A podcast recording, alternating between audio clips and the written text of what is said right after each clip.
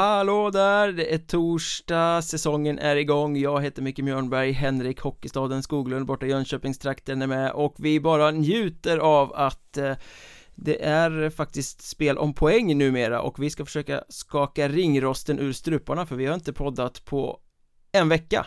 Eh, med tanke på hur mycket vi pratar under septembers gång så känns ju det riktigt udda Vad är du mest nervös över? Att inte få med alla rubriker från de första omgångarna i Hockeyettan eller att vi ringer rostiga? Det är väl en kombination eh, i så fall. Eh, det har faktiskt varit väldigt mycket att prata om. Den här säsongsöppningen tycker jag. Det har varit eh, ja, men både spelarprestationer och eh, saker som hänt utanför isen och alltihopa. Och jag det är alltid så varje säsongstart som man sitter här att eh, man säger förmodligen samma sak. Men jag har inte varit med om att det har varit så här mycket att avhandla. Nej, och sen så vill man ju gärna dra stora växlar av en eller två matcher. Eh, vilket man har lärt sig att det ska mm. man inte göra för att det som Nej. visas i de två första omgångarna kan sju, åtta omgångar eh, in i serien vara glömt för det betydde ingenting. Eh, så man ska väl kanske vara lite lite försiktig med att komma med för tidiga omdömen här men mm. jag måste ju ändå räcka upp handen och säga wow vad imponerad jag blev av Mörrum i deras premiär eh, borta mot ja. Kriff ja det här unga nybygget som har problem med ekonomin och därför har kunnat sätta en eh, budgettrupp på isen eh, men de vann mm. ju 3-2 borta mot ett defensivstarkt Kriff och var det starkaste laget på isen helt enkelt. Väldigt kreativa offensivt, de få rutinerade spelare de har klev fram, framförallt Adam Bäckstrand var ju lysande i den där matchen. Och sen när de skulle försvara ledningen i, i sista perioden, det var nästan det som var mest imponerande av ett så ungt lag, skulle jag vilja påstå. Att de inte skvätte en massa puckar i panik omkring sig utan de lugnade ner spelet, spelade konsekvent med enkelt passningsspel. Och eh, ja men det var, var riktigt imponerande att se faktiskt mm. Jag blir lite fundersam där faktiskt eh, på Man undrar lite var Kriff står eh, Defensivt stark eh, torska då mot Mörrum men det var inte så att det föll igenom eh, Igår slog de i Tyringe med 5-1 Men frågan är ju då Hur starka är Tyringe? Ja nu, nu kommer man ju till den här liksom att man ska jämföra äpplen med päron och alltihopa. Men Tyringe som torskade sin premiär och mot nykomlingen Alvesta. Kanske en av de svagare nykomlingarna eh, i söder eh, på år och dag. Eh, Alvesta som fick stryk av Troja med ja, många mål igår. 6-1. Mm. Så ja, det är nog inget jättekvitto att Kriff slog Tyringe. Det var väl det jag ville få fram. Ja. Nej men i, i den här premiärmatchen hemma mot Mörrum så var ju Mörrum det bättre laget. Eh, mm. Helt klart. Eh, Men eh, Liksom det var nog mer så att man ska Salutera Mörrum än att man ska sabla ner på Kriff. Det var inte så att de var dåliga, de bara var inte lika bra som sin motståndare i den matchen. Ja. Eh, Blir intressant nu då, Mörrum ska väl möta Karlskrona i hemmapremiären till helgen som kommer nu. Karlskrona som å sin sida spelade en väldigt eh, inspirerad premiär hemma mot Borås. Mm. Det gjorde de. Eh, men vad, kan inte det ha varit mycket också att eh, det var Borås som fick igång dem? Känner jag. Du vet ju att det är tveksamt till Karlskrona. Du är väldigt tveksam till Karlskrona. och jag vill nog se, det, det kan lika gärna bli eh, att de torskar mot Mörrum faktiskt. Det är derby och det, det är fredag kväll och allt det där. Um, nej, jag, jag, jag, såg rätt mycket av Borås och Karlskrona där och Borås var ju riktigt bra så att Karlskrona fick ju helt enkelt inte tillåta sig att vara dåliga. Men jag såg ju, jag vet inte om du upplevde det, men jag, man såg ju tendenserna till hur det har varit tidigare. Visst, det var första matchen, men det var slarvigt. Det var lite slarviga pass.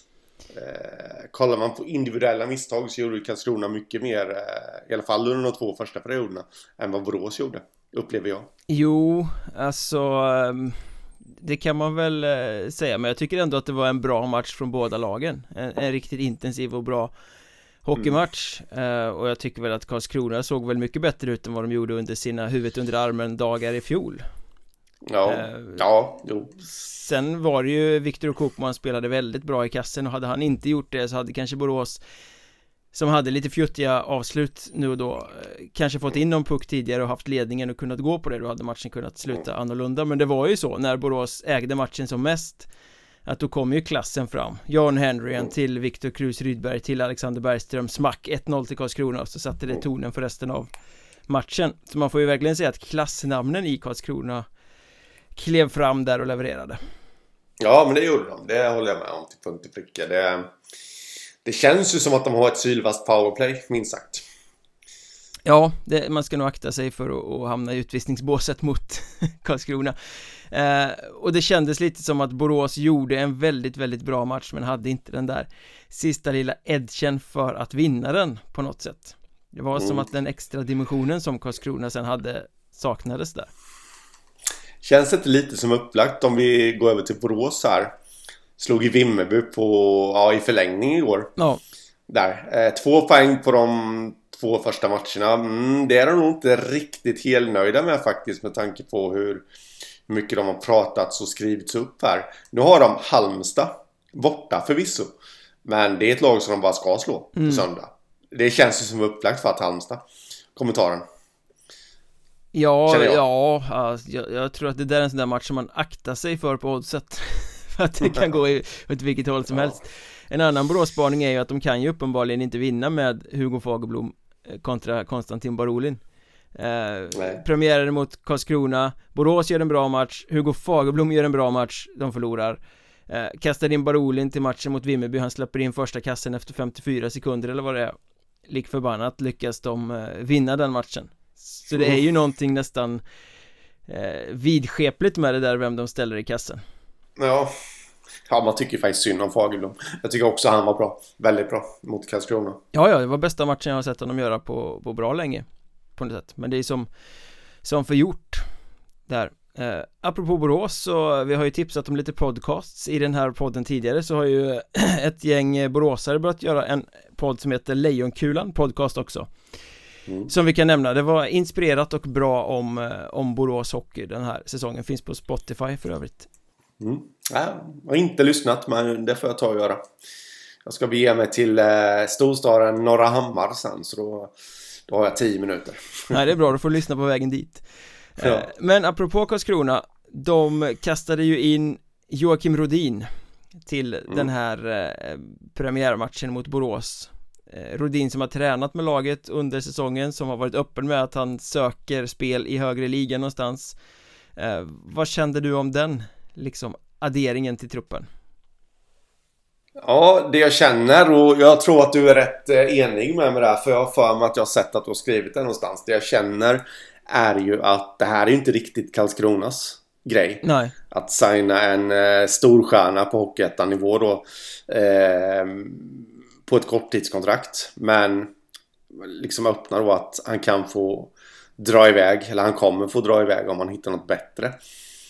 Ehm, det ger väl inte riktigt vibbar av att eh, vara en stor klubb i Hockeyettan. Å andra sidan kan du verkligen tacka nej till Joakim Rodin? Nej, det är väl lite dubbelt det där alltså mm. eh, Och jag snackade ju faktiskt med Micke Sundlöv, eh, sportchef i klubben under försäsongen när jag gjorde en rundringning till alla sportchefer och ställde samma frågor till alla klubbar Liksom klausuler i kontrakten och sånt, har ni det? Och det var han jättetydlig med att nej vi kan inte hålla på, vi, vi har en ambition om att gå till Hockeyallsvenskan, vi kan inte hålla på och släppa spelare under säsong, hur skulle det se ut? Mm. Ungefär mm. Eh, Här kommer Jocke Rodin, varsågod, korttidskontrakt mm. Så de agerar ju inte på vad de säger heller Nej, men å andra sidan det här är ju lite eh, Vad ska man säga? Eh, det här är ett lite annorlunda fall tycker jag. Eh, för här är det ju redan sagt på förhand att, ehm, att han kommer dra ifall han får ett bättre erbjudande. Det är ju inte riktigt som Ja men vad ska man säga? Som att tvillingarna Fredén liksom får ett gulderbjudande från eh, Från BIK Karlskoga eh, i Allsvenskan Och drar mitt under säsongen. Det är inte riktigt samma grej tycker jag. Eh, där så, ja lite Nej, jag tycker ändå att det är konstigt, måste jag säga Jag tycker att det känns lite PR-tricksaktigt Jag menar, rent krast Karlskrona har ett jättebra lag De behöver inte Joakim Rodin för att ta sig till allettan Han är liksom inte the icing on the cake som kommer avgöra ifall de tar sig dit eller inte Så egentligen så är han Om han spelar fem matcher här i grundserien så är det överflödigt egentligen. Eh, det, är, det är en lyx de unnar sig bara. Mm. Å andra mm. sidan Karlskrona-publiken älskar Joakim Rodin.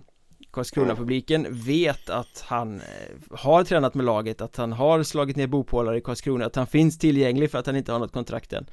Eh, Och här kastar de in honom, det är nästan som en liten gift till fansen på något sätt. Något de bjuder tillbaka mm. till publiken. Samtidigt så hade de ju den här kampanjen. De skulle slå publiksiffran från, från sin första SHL-match mot Färjestad Vilket de ju gjorde. De kom upp i 3532 Känns det inte som att de kastade in honom sista dygnet här för att verkligen få fart på den där eh, Liksom driva folk till premiären?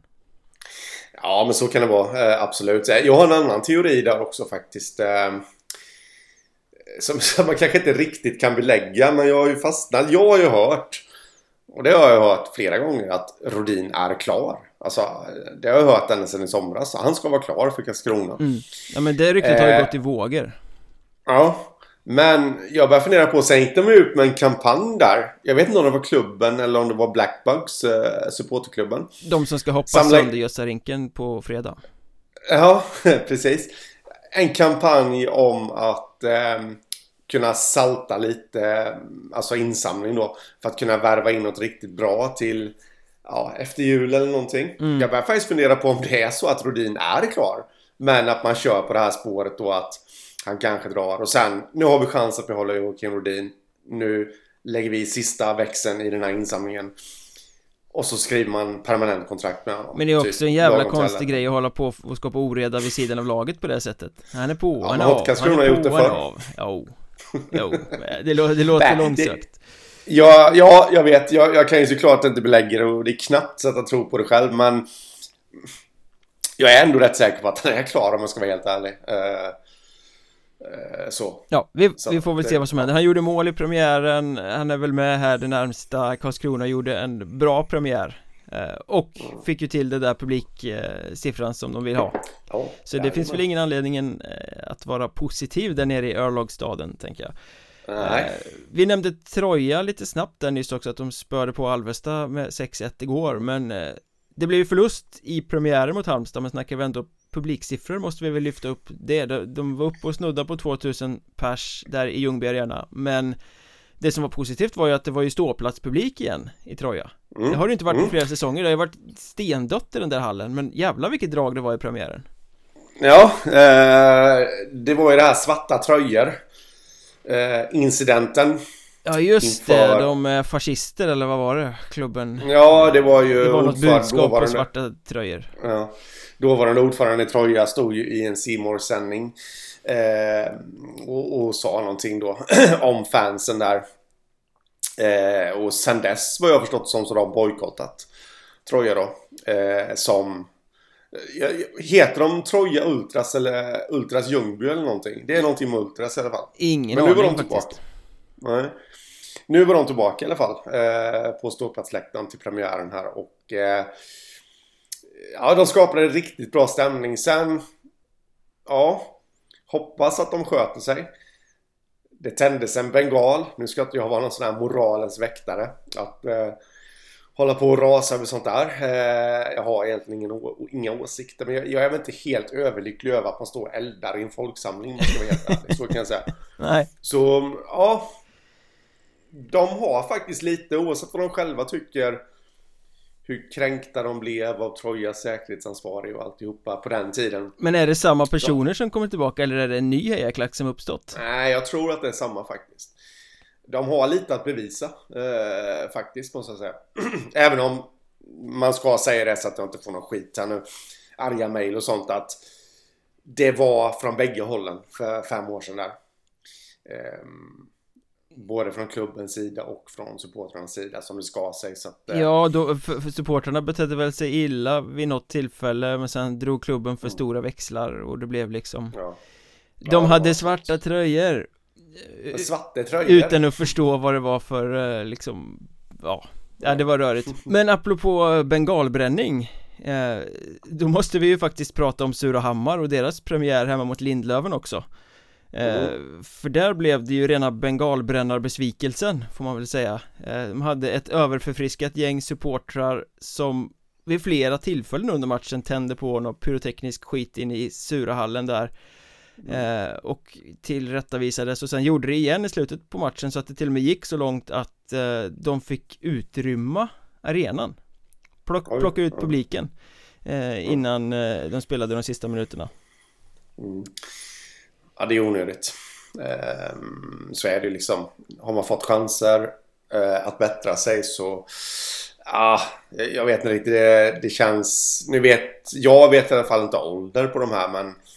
Är man över eh, 18 så bör man i alla fall kunna sköta sig. Ja, och det verkar ju inte vara ett nytt problem för Surahammar. De har en liten klick där som gillar att sniffa på dryck och eh, bete sig, så att säga.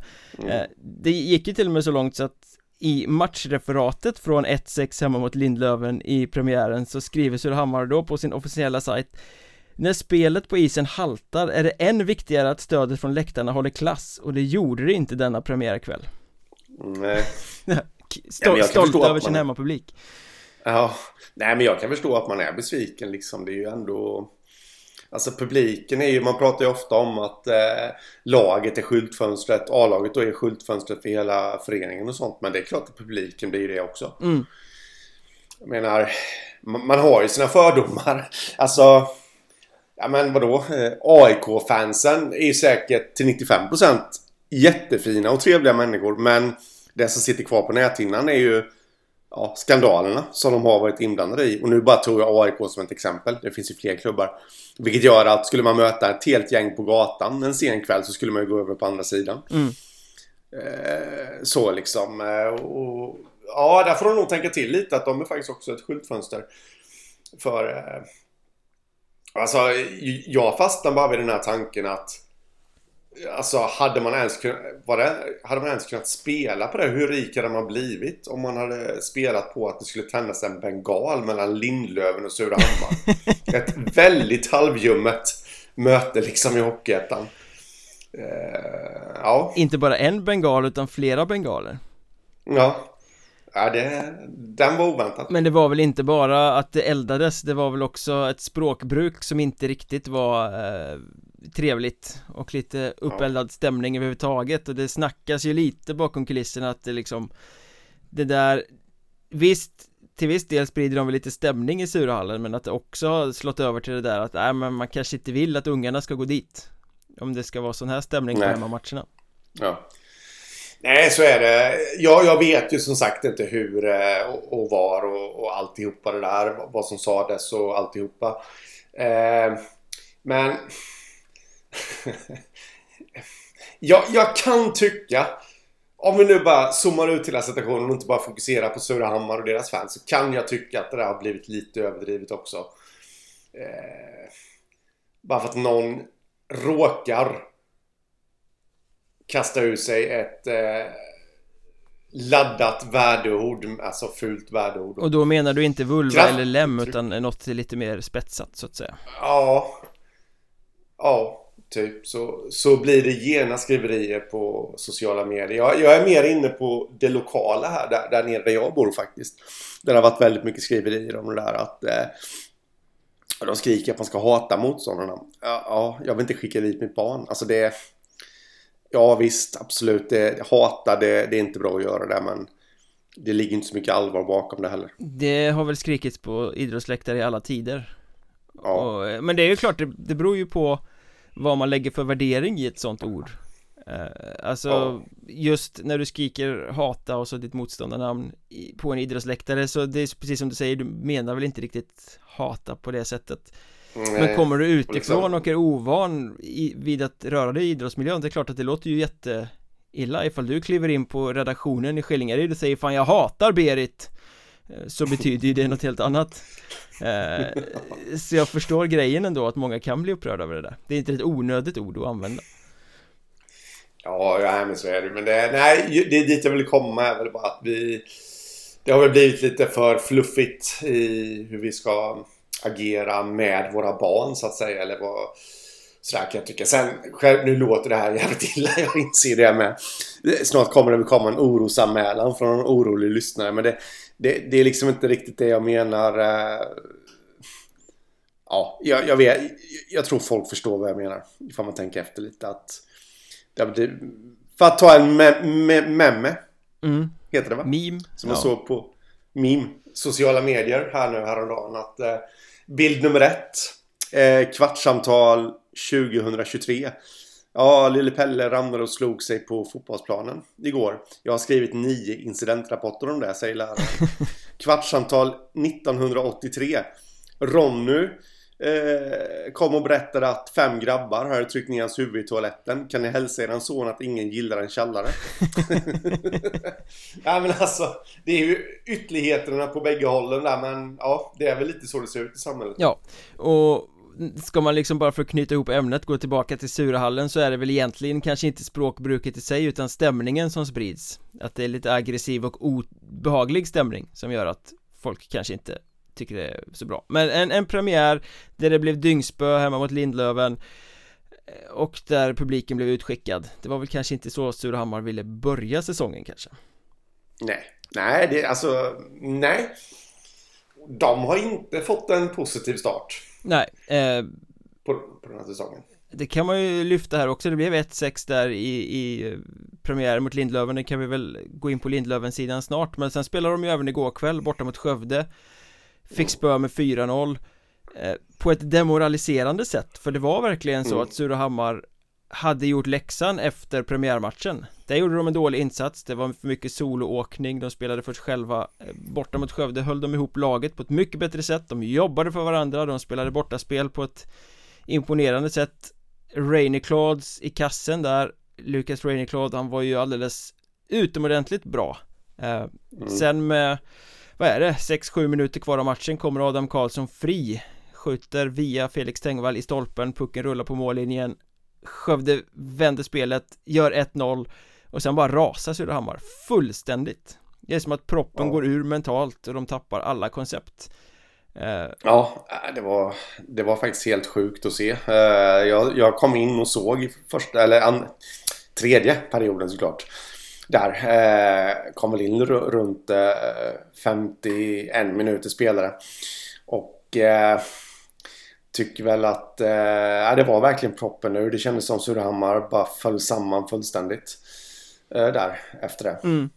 Ja men fram dit var de ju väldigt bra eh, Men mm. det, det, indikerar väl också att det är ett lite instabilt lag Att de kanske inte riktigt mm. vet vart de har sig själva När de kan spela så pass stabilt som de ändå gjorde i 50 plus minuter Och sen mm. bara rasa Ja För ingen hade ju protesterat om de hade vunnit den där matchen jag menar hade Adam Karlsson satt friläget Nej. så hade det blivit en helt annan historia Troligtvis Ja Nu är det istället ja. 1-10 målskillnad och 0 poäng efter två matcher mm. Men så är det. Så att um, Nej det har inte börjat bra för dem. Och jag vet inte om man kan säga att det har börjat så bra för Skövde heller där Egentligen. Eh, de, de har tagit 6 poäng och vunnit med 4-2 borta mot Mjölby. Den matchen vet jag inget om. Men nu blev det ju 4-0 mot Surahammar då. Men de gjorde ju inte en bra match. Alltså ett, ett, kreativt lag som hela tiden försöker göra för mycket med pucken. Och har ett passningsspel som inte funkar alls Nej precis så är det ju um, Där kan man ju Ja, vad ska man säga? Uh, det här, det som hände igår kan ju vara någonting som vänder säsongen Får bitarna att falla på plats ja. Att de känner en trygghet i att på deras sätt att se det så måste ju de liksom, vi kan vara trygga med att vi kan vinna även fast vi inte spelar bra. Även då om man ser det utifrån så kanske sanningen är att Surahammar rasar ihop. Eh, lite mer så att det kanske inte berodde så himla mycket på Skövde. Men eh, det ska bli intressant att se Skövde i nästa match här nu. Eh, som de har. Det är Borlänge då va? Det Borlänge har inte heller kan det nog mycket väl vara. Mm. Men det här måste ju nästan, ska Skövde liksom vara det här absoluta topplaget. Topp 10 liksom. Absolut ta sig till en... Ja, steget innan kvalserien där nu. Vad det nu heter, kvartsfinal. Semifinal eh, tror jag till och med. Semifinal till och med. Jag säger inte att det hänger på en match mot Borlänge såklart i oktober. Men någonstans vill man börja se att den här segern senast nu gav dem någonting. Ja, jag menar de ägde ju puck och de ägde ju spel Men jag är helt övertygad om att Staffan Lund inte är nöjd med hur laget spelade Framförallt passningsspelet Man måste vara mycket mm. mer noggrann med puck och man måste sätta passningarna mycket mer konsekvent på bladet. Här var det ett mm. jäkla skvättande till höger och vänster. Mm. Mot ett liksom vassare lag än Surahammar hade det nog ringt ett par gånger. Ja. Men vi kan konstatera Felix Tengvall höll nollan i sin första tävlingsmatch för Skövde IK Ja, men det är bra. Jag vet exakt vart de vill Jag lämnar den okommenterad där bara. Nej men det är bra, det är bara att applådera Tengvall. eh, Vi var inne och eh, nosade lite på Lindlöven här nyss också. De vann ju som sagt eh, premiären borta mot Surahammar 6-1 Gjorde en väldigt imponerande figur där. Tydliga linjer i spelet, ja. rakt framåt, satte sina chanser. Lukas Johansson som vi har nämnt som en joker i det där laget som var målkung i Skellefteås J20 i fjol Värvad till Lindlöven för att göra mål. eh, Fick sätta den efter ett backslarv redan efter fyra minuter. Det är sånt där som kan vara jätteviktigt för en sån spelare. Mm. Ung, oprövad, har ett uppdrag, lyckas med det direkt, kan bygga självförtroende. Eh, Men det som är intressant att prata om när det gäller Lindlöven är väl egentligen backsidan. Som ja. är oerhört tunn och som i de två första segermatcherna här eh, Det blev ju 2-1 mot Borlänge igår också Har gått med tre eh, Backar av klass som är där på lånad tid Ja um, De har ju två backlån från BIK Karlskoga va? Jajamän Om inte jag är helt fel ute Och eh, sen har de korttidskontrakt med eh, Joshua Karlsson Exakt där. Eh, de andra övriga två heter Leo Klavhed och eh, Måns Krämer. Ja. Det är ju, det är ju bra, väldigt bra backar mm. på nivån. Eh, och det jag känner är ju att eh, ja, men det här är ju en... Alltså man, man... Jag gillar ju lån. Det vet ju alla som... Men, men, frågan är ju hur bra detta är för Lindlöven faktiskt med alltså en halv backsida. Nej. Som faktiskt höjer dem också. Som är på lånad tid. Um, det kan bli ett brutalt uppvaknande sen när de här försvinner. Ja, om de gör det. Filip Halvarsson har de ju intakt. Han är ju stabil. Sen är det ju Filip Nyberg är ju skadad med någon axel som mm. är åt helvete. Så han kanske inte spelar före jul. Om ens det liksom. Nej. Så de är ju på marknaden och eh, jagar backförstärkning.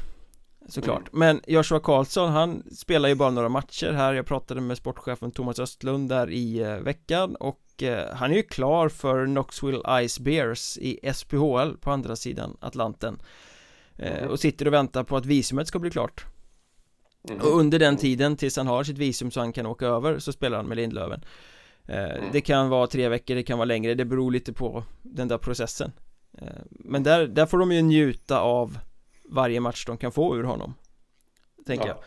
jag um, Leo Klavhed, där är det ju sagt att uh, Går inte han in på sex backar i BIK Karlskoga då ska han vara i Lindlöven Den här mm. säsongen mm. uh, Och Måns Krämer, där är ju Han är väl uh, signad för en månad Och sen mm. får man se Men mm. med tanke på hur BIK Karlskoga går i Hockeyallsvenskan så Nu är det ju så att de vill dumpa Måns Kramer så vet jag har förstått snacket eh, så, mm. så det gör de väl kanske Men eh, fortsätter de gå som jäkla kräftgång som de gör nu så Förr eller senare vill de skaka om och då kanske de plockar hem Klavhed också Ja, precis Det är lite så jag känner ehm, För de har ju börjat uselt dåligt faktiskt Nej, fyra raka torsk va? Igår tappade de ja, sista sekunderna det. mot Kalmar ja.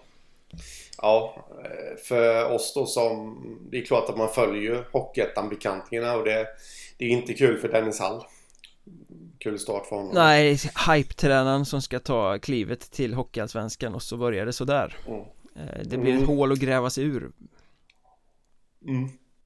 Men i fallet Krämer då, så ifall BIK då vill dumpa honom så eh, kunde man ju tänka sig att han blir kvar i Lindlöven resten av säsongen. Men det har jag svårt att tro för Lindlöven har ju inte några pengar att flasha här direkt.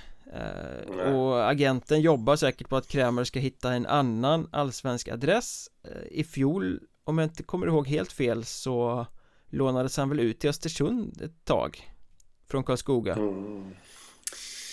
Jag brukar ha koll på mina kära lån. Men nej, det, det, är ingenting jag kan du, relatera du, till. Men det stämmer du säkert. Du kan Hockeyettan-lånen bättre än vad du kan de allsvenska lånen helt enkelt. Ja. Eh, Men sen har jag också hört att eh, Kristianstad är ju väldigt intresserade av eh, en back till in i sin uppställning Och eh, ja, de var intresserade av eh, Tim Botén som hamnade i Visby, de har lyssnat på lite andra håll.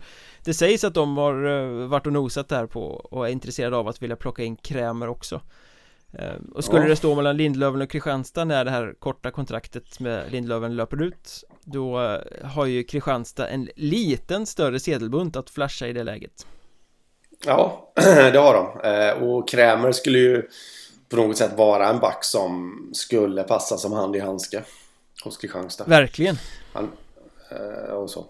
så. Han är ju dessutom från landskapet. Ja, det är väl lite det som gör att de är extra intresserade kanske. Mm. Men Lindlöven får ju helt enkelt bara njuta av de matcherna eh, de kan ha, de här tre mm. riktiga klassbackarna på hockeyettanivå eh, och sen se vad de kan få in apropå det här med ekonomi så vill jag väl också pusha lite, slå ett slag för vårt eh, Patreon-material denna torsdag. För vi har gjort så, vi har lyssnat runt bland klubbarna, vi har analyserat, vi har viktat dem mot varandra och som Patreon-bonus den här veckan så gör vi en lönebudget-ranking. Så ligger klubbarna till när det kommer till lönebudget gentemot varandra. Vilka lägger mycket pengar, vilka lägger lite pengar? Eh, vi har lyssnat vad de själva säger och sen ehm, eh, lagt ihop det här. Så att eh, ja, vill ni höra om hur vi viktar klubbarnas lönebudgetar mot varandra då ska ni hänga med på Patreon. För det är ju så, stöttar man podden med några riksdaler i månaden då får man väldigt mycket bonusmaterial via Patreon. Där ligger ju också våra 40 lag på 10 dagar. Om ni inte har lyssnat in dem än så gå in på patreon.com sök efter Mjölnbergs Trash Talk så står det precis som man gör för att stötta podden och ta del av mängder av bonusmaterial och från och med måndag är vi ju igång med fullängdspoddar på måndagar också. Det finns ju så jäkla mycket att snacka om så att eh, vi kör på där. Eh, Ja, publik i premiären. Det får man väl säga att det kom till Renew Arena ute i eh, norra Stockholm också. Brödernas Väsby mm. slog på stort till premiären Bjöd in en massa semikändisar till sin VIP-avdelning och spöde på Huddinge med 5-2 inför 1860 åskådare Ja men det gjorde de det. Jag vet inte när det var så mycket folk där eh, i den hallen senast. Ehm, men det, det, är klart att det blir en hype kring det här med, med bröderna-satsningen och alltihopa. Och jag, jag har inte hängt med så mycket men vad jag har förstått så har det blivit lite, lite jag ska inte säga ont blod men det verkade vara uppfattningen i alla fall bland de här gamla vanliga Väsby-supportrarna om man säger så var att de inte släpptes in på VIP-hyllan där brödernas folket höll till. Jag, jag, vet inte om, om det stämmer eller om det bara är någon miss i kommunikationen så här, men det blir lite olyckligt om det nu skulle vara så. Eller att det inte ens behöver vara så, men att den uppfattningen kommer upp så att säga mm. Nej men det, är, är inte det, ganska ofrånkomligt i det här läget att den gamla eh, läktarkulturfarbröderna som har varit med sedan Hedenhös kommer att clasha med Stureplansstekarfrillorna och kostymerna från bröderna som kommer in Det är två mm. helt olika världar eh, Det mm. måste väl gnissla lite initialt Tänker jag Ja Där är det nog eh, Om det gnisslar då är det nog väldigt, väldigt viktigt att eh, de som kommer, brödernas folket om man nu får kalla dem för det, att de faktiskt lägger sig så platt som möjligt. Och är lyhörda och lyssnar och mm. så, ja det, det, är ju eh, motsatsen till den uppfattningen man har om dem.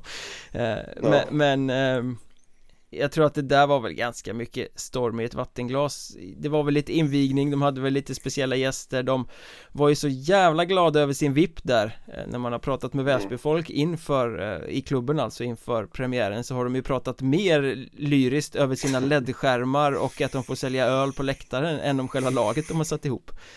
Eh, mm. Så att det är nya tider i Väsby. Ja, det är det.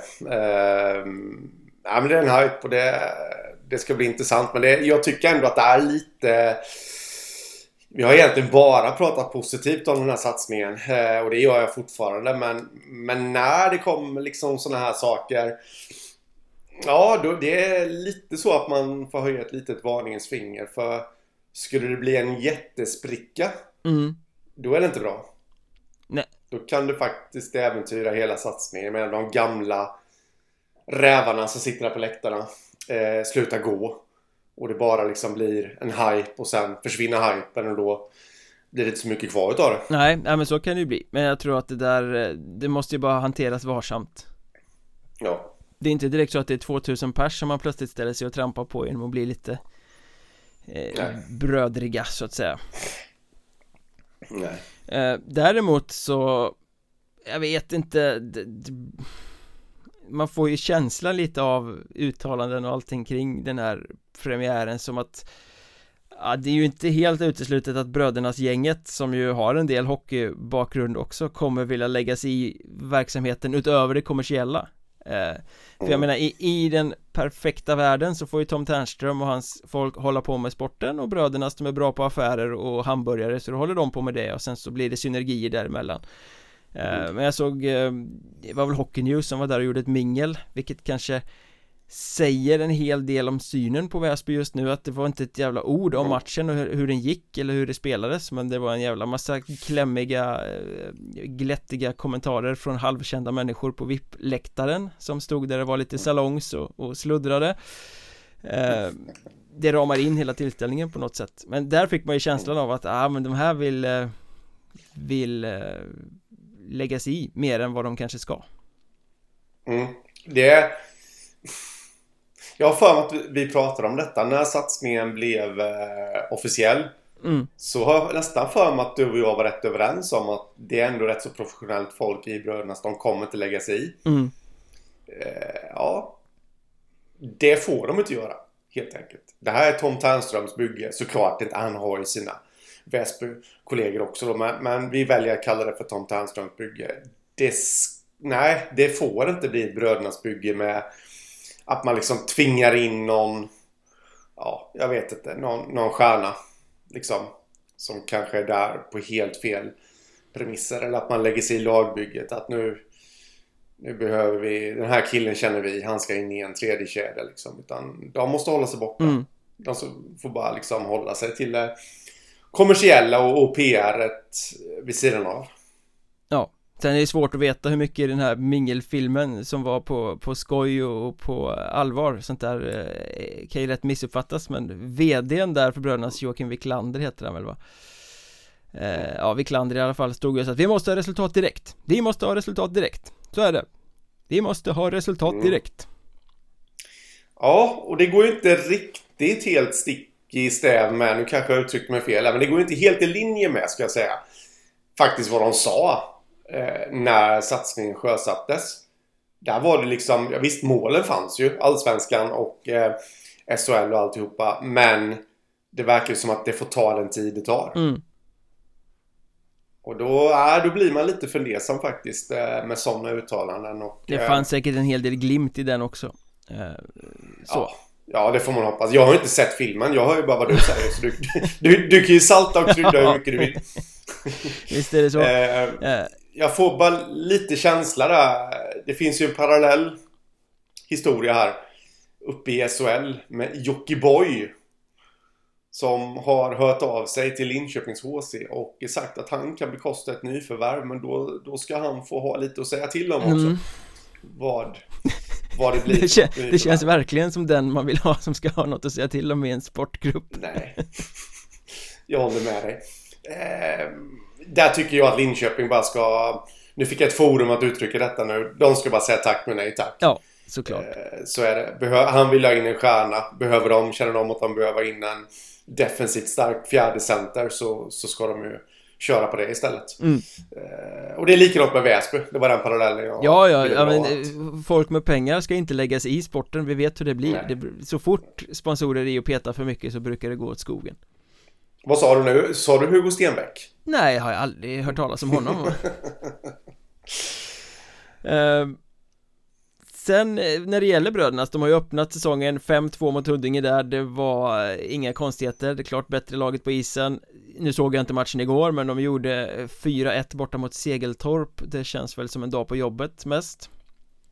Däremot så har ju nyheten kommit att Dick Axelsson inte kommer att dyka upp efter jul. Eh, kroppen Nej. håller inte, han har beslutat sig för att avsluta karriären igen. Eh, mm. Hur mycket påverkar det bröderna satsningen känner du? Alltså jag, jag känner inte att det påverkar något alls Nej. Jag ska vara helt ärlig. Nej. Eh, vi har pratat om det innan att han... Alltså det är klart att han gör mycket. Han skulle gjort väldigt mycket för laget om han hade kommit in, om det hade funkat. Och jag är rätt övertygad om att, att det skulle ha funkat också. Men de blir inget svagare lag över att han inte kommer, om man säger så. Nej. Du blir ju liksom inte... Du blir liksom inte fattigare. Eh, om man tänker rent ekonomiskt för att du inte sätter den där tipsvinsten på lördag. som du hade planerat. Nej. Nej men alltså, förstår du vad jag menar? Det, och det är likadant med Väsby. De har, även utan Axelsson, ett kanongäng. Ja, det, det är en icke-fråga egentligen. Det mm. blir några kvällstidningsrubriker nu när han lägger av. Eh, men mm. sen kommer det inte betyda särskilt mycket för dem alls. Eh, Nej. Ja, det är en fixstjärna man hade kunnat använda i marknadsföring. Eh, ja, för att sälja hamburgare typ Men mm. sportsligt så nej, nej, jag håller med men, men, alltså ska man vara lite konspiratoriskt lagd nu Du kommer ju få förmodligen både hamburgerfolk och eh, mediefolk efter mig. Men Dick Axelsson har ju kopplingar till Brödernas. Han har ju kopplingar till Sportbladet. Alltså kommer du bli så jäkla överraskad om det framåt jul kommer braskande rubriker? Dick Axelsson ångrar sig, gör comeback i Brödernas Väsby. Knäna funkar, jag åker till återvinningen och fiskar upp min trunk igen. Nej, jag skulle jag inte skulle... bli det minsta förvånad, det har hänt förr. Ja, och då är det ju ett PR Ja, alltså, då är det ett, ett, ett större PR-trick än Jocke Rodin i Karlskrona. Ja, det skulle det verkligen vara. Eh, Mer brödernas så Filip Rydström är ju inte med i de sex första omgångarna nu i Hockeyettan Jag vet inte om du har sett situationen men han satte ju näve i nyllet på Hannes Lindström i Hudiksvall i en eh, träningsmatch. Nej, det har jag inte sett. Nej, den var, det var ett tumult, det var dålig stämning, den var ful eh, Men han fick sex matcher eh, För, alltså, ja ett knytnävsslag egentligen. Mm. eh, Rent spontant, nu har du inte sett situationen, men hur känns det då? Eh, det men jag, jag, jag, vet ju Alltså jag vet ju inte hur situationen var så jag kan inte uttala mig på så vis Men, men rent generellt så tycker jag att det har blivit väldigt långa avstängningar i år Ja, inledningen av säsongen är ju präglad av långa avstängningar Ja, ehm. det har varit fem matcher, det har varit sex matcher och, och liksom sådär eh, det känns lite som att, som det alltid brukar vara. Nu ska de statuera exempel, disciplinnämnderna. Och sen så... Oj vad vi är taggade och sen så dör det där ut framåt november. Mm. Jag frågade Tom Ternström där, eh, sportchefen i Väsby, om vad han tyckte om, om straffet och han är ju professionell som sa att jag vill inte kommentera det. Eh, men han sa att ja, den är ju inte snygg Men kan man ha eh, synpunkt på något så är det väl liksom i förhållande till andra straff eh, ja. Vi har ju till exempel från premiären Bålänge, HC Dalen Emil Danerhag i Bålänge Han liksom bromsar ju in i en sargsituation för att inte vara först in i sarghörnet Sen sätter han en crosschecking i ryggen på Charles Eklund som bara dröser in i sargen. Svinfult tilltag, ser ganska medvetet ut också. Han får fem matcher Vilket jag tycker är helt korrekt. Eh, men då ska man ställa det i paritet till att Filip Rutström får sex för en liksom Ett slag där ingen blir skadad. Mm. Du insåg själv vad du sa nu. Ja, men jag menar det... det var därför det blev tveksam Jag hörde det på dig, vi känner varandra för bra här ja, ja, ja. Men, men eh, situationen är liksom Den ena är så jäkla mycket farligare än den andra Ja Ja, så är det ju Absolut. Eh, nej, alltså jag... jag ska vara så här jättetråkig och säga att jag, nej, jag är fan inte på humör för att diskutera. Eh, jämföra avstängningar och alltihopa sånt där. Men jag håller med dig såklart. Det känns lite udda och... Ja, vi, vi, man återkommer hela tiden till det här med disciplinnämnderna och det är olika disciplinnämnder. Det borde vara en gemensam. Ja, punkt. Mm. In i säsongen så är det också flera spelare som faktiskt är avstängda efter physical abuse of official i träningsmatcherna eh, William Gustafsson i Halmstad, den situationen har jag inte sett men jag tror han fick två eller tre matcher för att han råkat slå en domare i ansiktet, jag vet inte riktigt. Eh, Jag tror det var i samband med någon fight eller någonting. Eh, men alla de här physical abuse officials är ju helt omedvetna för vi har även Filip Bratt i Borås och Anton Blomberg i Mariestad som fick tre matcher var för att ha fortsatt fightas när linjeman gick emellan tror jag Eh, så det där måste ju spelarna ta sig lite i, i kragen liksom att gå domaren emellan Det spelar ingen roll hur arga ni är Fortsätter ni köra då så kommer ni få såna här dumma avstängningar För så är reglerna sagda men alltså det där är ju också lite konstigt då om man sätter det i paritet till vad vi pratade om innan. Nu blev jag på humör helt plötsligt där för att diskutera jämförelser. Men alltså för mig är det ju allvarligare att du slår en domare än att du slår en motspelare. Ja, men ingen av de här situationerna är väl någon som har slagit en domare medvetet? Nej. Du har väl försökt eh, slå en motspelare och sen så flöjtar domaren in emellan där lite halvt utan känsla och så blir det som det blir. Ja, Jo, nej men absolut, det förstår jag. Det, det finns ju såklart en medvetande grad också i vad du gör som de tar hänsyn till här. Men alltså, det, vi har ju sett avstängningar förr när det av misstag har, har råkat komma en domare emellan som har varit väldigt hårda. Ja. Och då när de här situationerna infaller samtidigt eh, eller i nära tid till varandra och det blir olika straff. Det är klart att då reagerar man lite att... Eh, jag säger inte att det är rätt att slå en motståndare men på något sätt så känns det som tidigare så har de alltid bedömt det som hårdare att du råkar slå en domare än att du medvetet slår en motståndare. Mm. Känns så. Mm. Eh, Men det har ju blivit flera sådana avstängningar nu så det är väl bara liksom för spelarna att plocka upp den signalen att ja Ta det jäkligt lugnt i de här heta situationerna Hur lätt nu det är liksom När adrenalinet pumpar Men ni kommer bli avstängda om ni bara Nuddar en domare som bestämmer sig för att gå emellan och vi snackade Filip Bratt där eh, Avstängd tre matcher i öppningen av säsongen. De lär ju få Robin Höglund avstängd efter en huvudtackling i premiären mot eh, eh, Karlskrona.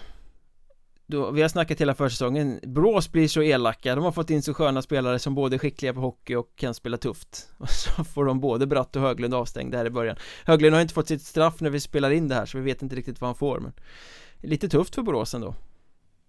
Ja, så är det. De behöver ju dem såklart på isen, eh, därvid. Eh, så är det. Men eh, det handlar ju om att hitta, komma in i grejerna och hitta ja, med rätt nivåer och allt det där. Så att när de väl är tillbaka så, så kan nog maskineriet börja fungera igen. Och apropå Blomberg där i Mariestad så är ju han avstängd fem matcher tror jag För han fick ju inte bara de här matcherna för physical abuse of official Utan han fick ju några extra för en knätackling också mm. eh, Apropå Mariestad, jag måste bara nämna det Jag har gått och fnissat lite hela veckan här. Jag lyssnade återigen på den här Skövdepodden 1957 åsikter heter den väl. Mm. De letar ju alla möjligheter att få klanka på Mariestads spel och allting sånt där. Men det var en så extremt rolig sägning. Eh, mm. de, de snackade om hur Mariestad har sett ut efter att de sparkade Andreas Appelgren. Mm. Äpplet är borta, det är bara skrutten kvar Ja. Jag tyckte det var fan, fantastiskt roligt sagt. Känns lite typiskt såhär Skövdehumor på något sätt. Ja, nej, det var, det var underbart, jag var tvungen att nämna det. Eh, Apropå Mariestad Oskar Tellström, vad säger vi om honom då? Smaskade dit fem kassar när eh, Mariestad slog Forshaga med 5-2 i premiären Ja, och det var ju inte vilka mål som helst. Det var ju inte att han stod och brötade framför mål och, och liksom styrde in dem. Utan det var ju frilägen och ja, allt möjligt. Ja, det var riktigt vasst alltså. Ja. Eh, och, ja, jag vet att jag drog någon skämtsamt tweet där om att jag tog de här fem målen och, och gångade det med 36 matcher eh, och kommer han komma upp i 180 mål eller vad det nu blir. Det kommer han såklart inte göra. Men frågan är... Projected stats eller vad heter det? Ja. Frågan är om... Eh, när vi sitter och summerar säsongen sen. Man ska absolut inte döma någonting på en enda match. Men vi, vi hade ju honom som en allsvensk kandidat redan efter förra säsongen. Mm. Eh, när man summerar säsongen den här säsongen så frågan är om man kanske inte kommer summera det med att Oskar Tellström var alldeles för bra för Hockeyettan mm. den här säsongen. Vad gjorde han? 20 plus 20 i fjol eller något sånt där va? Mm, ja, något sånt. Och han inledde ju även fjolårssäsongen hemma i Mariehus Arena med ett mål eh, lavemang. Då gjorde han väl hattrick mm. när de spöade ja. Eskilstuna Linden. Mm. eh, Då blev det fem mål den här gången och jag vet att i början på förra säsongen så gjorde ju Joakim Högberg fem mål i en match för Piteå mot mm. Vännäs och då fick jag frågan Har det hänt förut att någon har gjort fem mål i Hockeyettan? Det här måste ju vara eh, något speciellt Så nu när Oskar Tellström också gjorde det så var jag tvungen att gräva lite Jag kan säga att det är inte superovanligt med femmålsskyttar mm. Jag hittar faktiskt flera stycken när jag, när jag gräver lite i arkivet. Dels då Joakim Högberg i fjol eh, Fem mål mot Vännäs. Han vände matchen där, de vann med 9-5 Piteå. Eh, Sen hade vi även i november 2020 eh, En viss herre vid namn Joakim Axman om du minns honom. Just det, det minns jag. Han bröt ju med Väsby i Allsvenskan där han inte alls fick det att stämma. Flyttade hem till Strömsbro som på den tiden var ett offensivt gladhockeygäng Och i en match mot Sollentuna som vanns med 7-2 gjorde Axman fem mål. Eh, Han gjorde faktiskt, eh, apropå projektet Stats för Tellström där så gjorde han ju 25 mål på 23 matcher den säsongen. Mm. Det är rätt imponerande. Mm. eh, Om vi backar några år till så kommer vi till januari 2018 eh, Då vann Halmstad borta mot HA74 med 7-4 Kan du gissa mm. vem som gjorde fem av Halmstads mål i den matchen? Uh, oj du. Uh, kan det ha varit Pärna? Nej, det var inte Pärna men det var en av hans kedjekamrater I den där succékedjan som de hade där ja. Erik Borg också var med men han eh, lirar ju i Frölunda numera Nej, det var Gustav Berling Just ja, just det. Numera i Krakow i Polen mm. eh, Samma år, 2018 Fast i december det året eh, På Väsbyspåret Lubomir Fetkovic Just ja. Gjorde fem mål i 11-2 krossen borta mot Hanviken mm. Oj oj oj det, det hade aldrig hänt nu Nej, det var på den tiden Hanviken var ett, eh, ett, eh, ganska dåligt lag mm. Hanviken som för övrigt slog eh, Enköping igår med 3-0 En match som jag såg ganska mycket av Hanviken, stabila Enköping, hopplöst trubbiga. Det tål väl att nämnas Enköpings start på säsongen Två raka torsk, ja. 1-7 i målskillnad men då ska man ju också lägga till att de hade sju raka torsk på försäsongen mm. eh, Hopplöst eh, ineffektiva Ja så är det Och det enda jag kan sitta och tänka på är ju eh, Jag gillar ju att skåda lite framåt där Alltså vad lyckliga Huddinge kan vara att de har Enköping just nästa match Ja, är det inte det en skräckmatch för, för båda gängen? För jag menar, Huddinge fick ju spö hemma mot Vallentuna igår med 3-2 Så att här har vi alltså ja. två lag som har öppnat med eh, två nederlag och måste vinna för att inte hamna på efterkälken mm. Eh, vi, Vilka är det värst för? Enköping som kan åka på tionde raka nederlaget för säsongen eller Huddinge som nu när de har gjort en nystart och inte ska vara lika kass som i fjol riskerar att öppna med tre raka förluster och hamna på efterkälken i allettan-racet igen mm. Ja, det, det, det känns ju som att det är värst för Huddinge Det är mest press på dem här. Ja, jag såg faktiskt inte matchen mot Vallentuna igår Så jag kan inte uttala mig om den Men att det blev förlust mot Väsby i premiären, det var väl ganska programenligt ändå. Mm. De var ett, ett nummer mindre där. Inte helt dåliga i den matchen. Bra i powerplay. Eh, Men eh, ja, att de skulle falla hem mot Vallentuna var ändå lite oväntat. Mm, Ja, men Vallentuna har ju ändå in... Ja, jo, det var oväntat självklart. Men Vallentuna, vi varnade ju lite för dem inför säsongen. Potentiell joker och de har inlett i alla fall efter de grejerna. Men de slog Hanviken. Det gjorde de inte alls men de tog poäng mot Hanviken. Mm.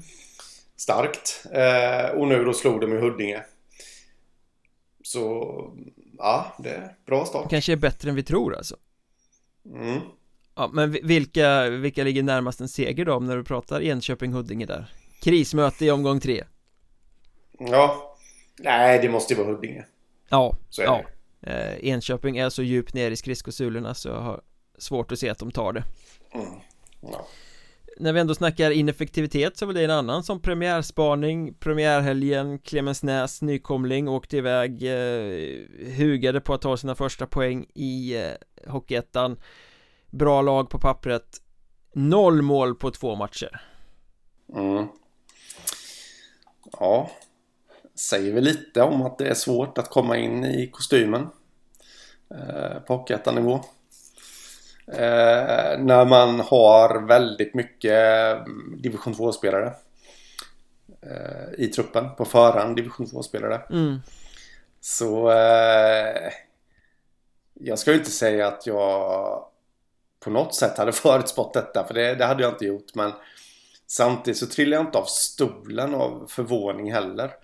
Eh, kanske just, ja men att de har blivit nollade absolut, men inte två raka förluster. Medan Strömsbro och Hudiksvall borta, eh, det är inte de lättaste matcherna. Nej, det blev 0-3 mot Strömsbro och 0-4 mot Hudiksvall Så har vi Mm. redovisat resultaten också Mm. Ja, nej, förlusterna i sig är väl inte så konstiga men, men att det inte blir mål Det är ju en tung Mm. start Mm. Ja, så är det.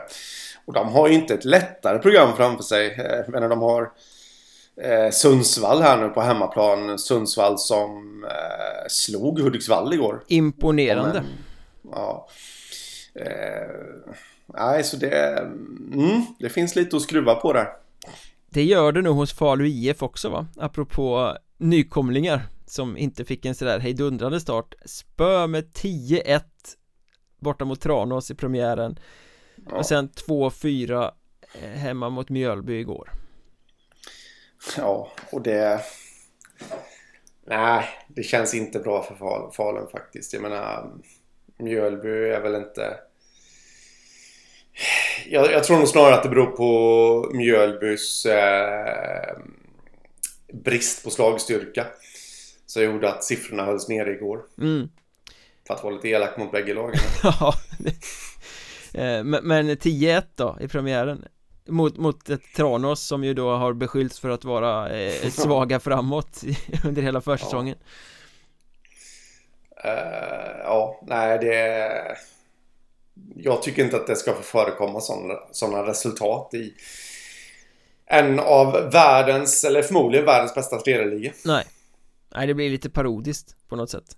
Mm. eh, Tranås som ju då öppnat med, de vann ju borta mot Forshaga igår 4-3 så att de har ju gjort 14 mål på två matcher Ja. eh, Målgladast i hela eh, Hockeyettan Ja. Västra Kanske till och med hela ligan, jag har dålig koll på Ja. Men eh, Ja, det vet jag inte. Phil Horsky, den här gladcoachen.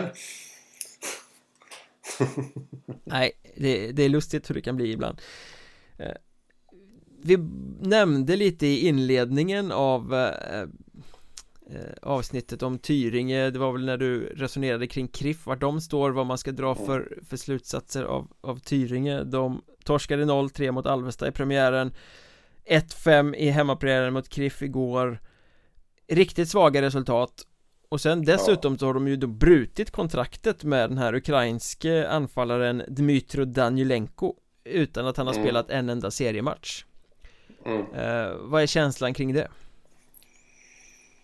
Ja, känslan kring det är väl att eh, när vi har suttit och gnabbats lite här på försäsongen om att du då har, har tyckt att ja, de, har, de har plockat de spelare som de har fått liksom lite. Det är väl kanske bara att skriva under på det då. De verkar inte ha fått ihop det. Jag har ju suttit där och sagt att de har haft en tanke med vända värvning etc. etc. Men jag har inte sett någonting i Tyringe. Så jag kan såklart inte på något sätt slå fast. Men, men jag känner ju att eh, det var ju definitivt inte den här starten de ville ha. Nej, alltså de kanske har haft en tanke med varje värvning men det behöver inte betyda att tanken var rätt Nej, så Och är så det. verkar det ju ha varit med Danilenko här och för ska man tolka det som står mellan raderna i pressmeddelandet som de skickar ut så är det att han inte varit bra nog för att kunna färga Nej, eh, Han så har är ukrainska landslagsmeriter och, sånt på CVt men eh, Färgar man inte i Tyringe då Nej då är man ju inte jättebra alltså. Mm, nej. Då verkar ju, för att avsluta positivt, hans landsman där, Felix Morozov, var lite mer the shit, om man säger så. Mhm. eh, Han gjorde ju ett oerhört tjusigt straffmål för Kiruna IF hemma mot eh, Kalix när de vann med 5-4 Mm. eh, Jakob Hansson Geiden var väl den som blev liksom den som fick den avgörande straffen men eh, Morozovs straff var utan tvekan den snyggaste och lite plåster på såren efter att Kiruna IF hade tappat 4-1 till 4-4 i slutet på tredje perioden på ett ganska släpphänt sätt Får man väl säga Men Mor Felix Morozov, det är väl en kille att eh, hålla lite koll på då För det har vi också suttit och sagt hela förra säsongen Kiruna IFs sju importspelare måste lyckas Ja. Ja, men så är det. Bra, då har vi hunnit eh, avverka några av rubrikerna från premiärveckan. Vi är tillbaka igen på måndag på Patreon På torsdag i vanligt avsnitt. Och nu sticker vi ut till Patreon och snackar spelarbudgetar. Det ska bli grymt kul. Mm. Ja, det ska bli kul. Många miljoner är det som valsar genom Hockeyettan under en säsong. Eh, Tack för att ni har lyssnat. Vill ni skriva till oss, gör det på X. Jag heter att Mjornberg, Henrik heter att Hockstaden och poddens X-konto. Det låter så jävla lökigt att säga så, men så är det är mm. Att Mjornberg podd Finns också på Facebook och Instagram om man tycker att det är roligt. Eh, Ja, men eh, vi hörs snart igen. Det gör vi. Ha det gött. Detsamma. Tja